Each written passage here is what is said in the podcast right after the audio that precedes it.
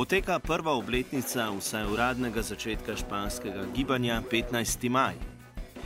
Najaktualnejši dogodki iz Španije v povezavi z gibanjem so, da je po noči nacionalna španska policija iz madridskega trga Puerta del Sol, kjer se je vse skupaj lani tudi začelo, razgnala protestnike in jih ob tem tudi nekaj aretirala. Ob tej priložnosti smo govorili z novinarko španskega časnika El Publico Ano Rekena Aguilar, ki je spremljala razvoj gibanja vse od njegovega začetka, prav tako pa je soavtorica knjige o španskem gibanju 15. maj z naslovom Glasovi 15. maja. Knjiga poskuša predstaviti razvoj samega gibanja skozi celo prvo leto, prav tako pa govori o idejah in nekaterih posameznikih, ki so z gibanjem začeli. Ano smo prosili, če nam izpostavi za njo najpomembnejšo vsebino, ki jo sporoča knjiga Glasovi 15. maja. Well, I think uh, the book shows how the movement starts. No, that's important because um, many people uh, made questions about well, how was this possible? No, how these people uh, organized, or uh, and even they um, well, they doubt about the the origin of the movement, no. Uh, if maybe if they come for a, of uh, political parties of trade unions and well it's not that's not the reality and it's important to explain how the movement begins and um, how was the society in in this moment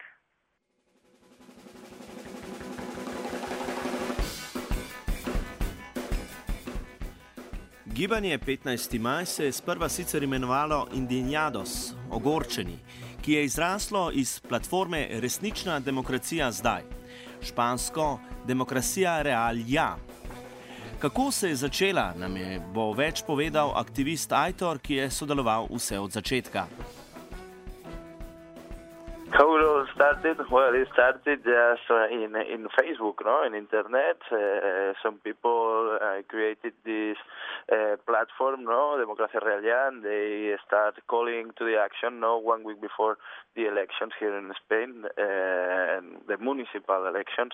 So they did this manifesto, no, this manifesto with eight reivindications, no, eight issues, no, that they were really transversal, and that allow to the people um, to to participate in this uh, movement, no, as it as it was their own movement, no, because they were really transversal, no, these uh, reivindications, and this is I'm always saying that this is not a social movement, no, because it's not a group of people who is uh, doing mobilizations and actions for just one social problem, no, this is a transversal, this is a contextual situation, and this is a citizen movement, no, and it's a movement basically for the the radicalization of the democracy. No, this is what we want. No, a, a direct, participative, horizontal uh, democracy, and also we want to the reappropriation of the common wealth and common uh, goods. No, that that now are being expropriated by uh, by the private. No, by the the capitalistic command, but also by the public uh, through the austerity policies. No, and now we can see that there's no difference in between public and private, state and market.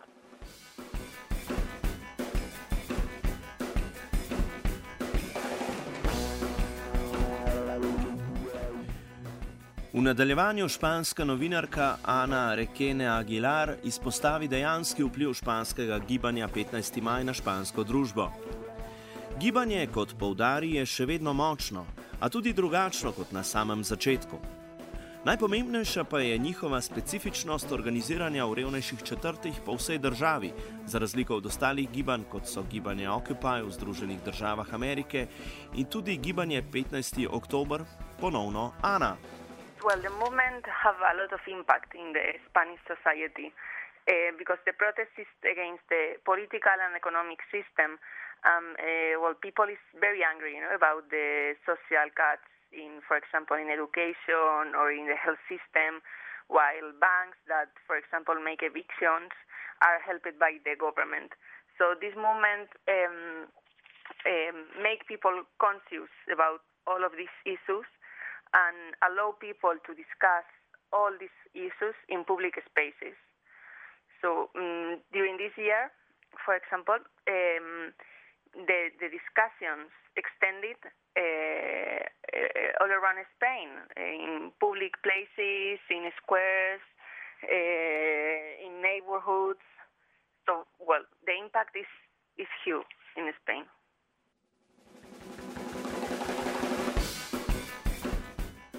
Špansko novinarko smo še vprašali, kako močno je gibanje 15. maj po enem letu. Well, yes, the, the movement is, is too strong right now. Um, it's different because, well, uh, for example, the, in the last year, um, at the end of the big demonstration of 15 May, some people camped in the center of Madrid, in Puerta del Sol, a very symbolical place, and sorry, and the camp, uh, well, the camp, camping was like uh, it's 15 days, I think, or three weeks, no? Um, well, the image of the camp in the center of Madrid uh, had a important symbol, no, for the for the society and for the media, not only in Spain, all around the world. Now, today, the, no, doesn't exist this this camp, no, this symbol so it's different. But you know, on Saturdays uh, uh, take place the the the big demonstration last Saturday. The big demonstrations were on Saturday in more than 60 cities of Spain, no, and thousands of participants. Uh, and today is a day full of activities, assemblies, work groups, uh, activities in front of, for example, of banks or of some uh, organizations.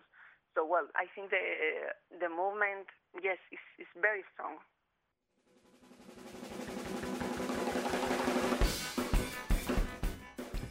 Andrej Kurnik, profesor na fakulteti za družbene vede v Ljubljani in eden od začetnikov gibanja 1500 v Sloveniji, vidi obletnico 15M in vpliv dotičnih gibanj na družbo takole. Ja, ok, zdaj seveda v Španiji imamo določene specifičnosti. Namreč v Španiji je bil nepremičninski balon povezan z financializacijo izrazit in zaradi tega tudi potem z krizo finančno je ogromno še posebej mladih, ki so delali v storitvenem sektorju, ki je na nek način servisiral ta sektor nepremičninski, prišlo do množične brezposobnosti. Tako da seveda Španija ima danes eno najvišjih stopenj brezposelnosti, ne še posebej ta pereča med mladimi, več kot polovica mladih je brez dela. Tako da seveda to je nekaj specifično Španije, tudi nek specifičen razvoj, skratka nek čist politično, tudi narekovan razvoj. Že iz časa Frankove diktature, ko je veljalo geslo, da Španci niso proletarci, ampak so lasniki, lasniki hiš in stanovanj. Tako da seveda ste imeli tam nek ta razvoj povezan z to idejo, da je treba vzpostaviti močan srednji sloj, zato da bi na nek način razbili moč delovskega razreda. Ampak po drugi strani pa seveda so pa tudi številne skupne značilnosti med Španijo in ostalimi evropskimi evropskimi državami tudi drugimi državami. Ne? Še posebej je ta eh, skupna značilnost, da imamo danes veliko brezperspektivnosti, prekerne eh, mlade generacije eh, in eh, da imamo neko blokado zmožnosti generiranja in nasploh eh, proizvajanja družbenega bogatstva, kar je na nek način eh, tudi sprožilo vstaje v arabskem svetu že prej, ne, recimo v arabskem svetu za njih je začelo, da je bilo to predvsem ostaja mladih generacij, ki so se v bistvu uprle proti neki popolni brezperspektivnosti in tudi proti temu, kakšna dela so jim sploh bila na voljo. Ne, recimo konkretno v Tuniziji ste imeli dobro razvit javni sistem šolanja in skratka za tega tudi eh, zelo izobraženo mlado generacijo. Istočasno pa lahko v Tuniziji zasluži za življenje zgolj kot delavec v svetshopih eh, tekstilnih, ker je pač Evropska unija izvoza svojo tekstilno industrijo v Tunizijo, bodi si v rudnikih, ali pa seveda si plačaš tako rekoč delo v javnem sektorju. Skratka, to so pač ne, te neke podobnosti posod, skratka, pre izobražena mlada generacija in uh, skorumpiran trg dela, ki ne funkcionira. Ne vse podobno tudi v Sloveniji, ki nas govori o tem, da bi se morali prilagoditi trgu dela in da bi moral trg dela v bistvu recimo narekovati tudi eh, študijske vsebine na fakultetah.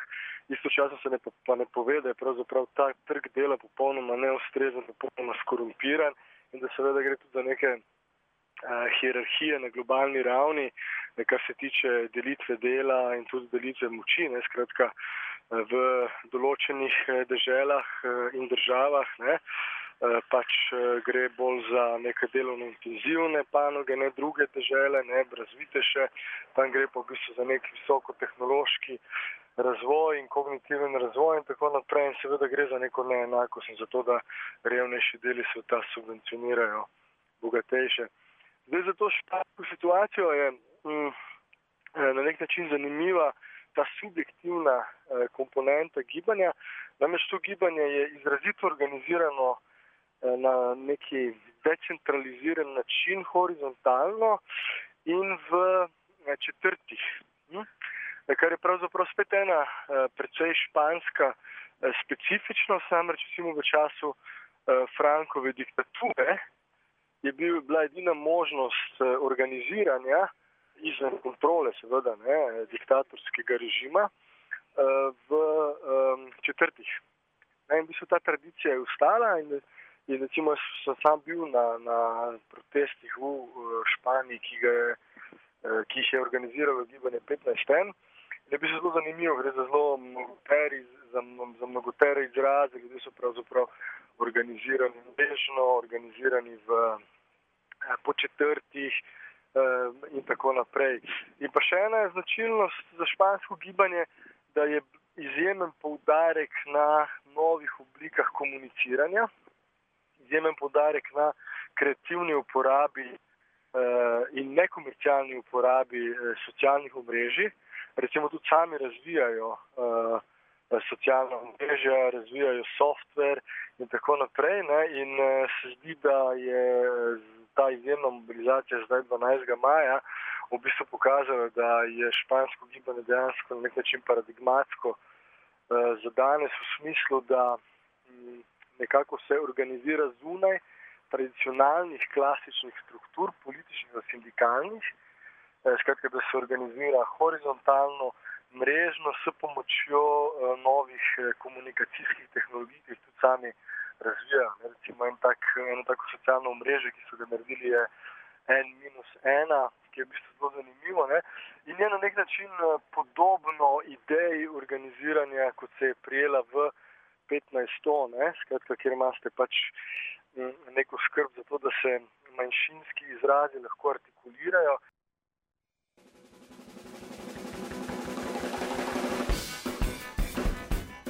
Offside o španskem gibanju 15. maj sta pripravila Urh in Luka Počevalšek.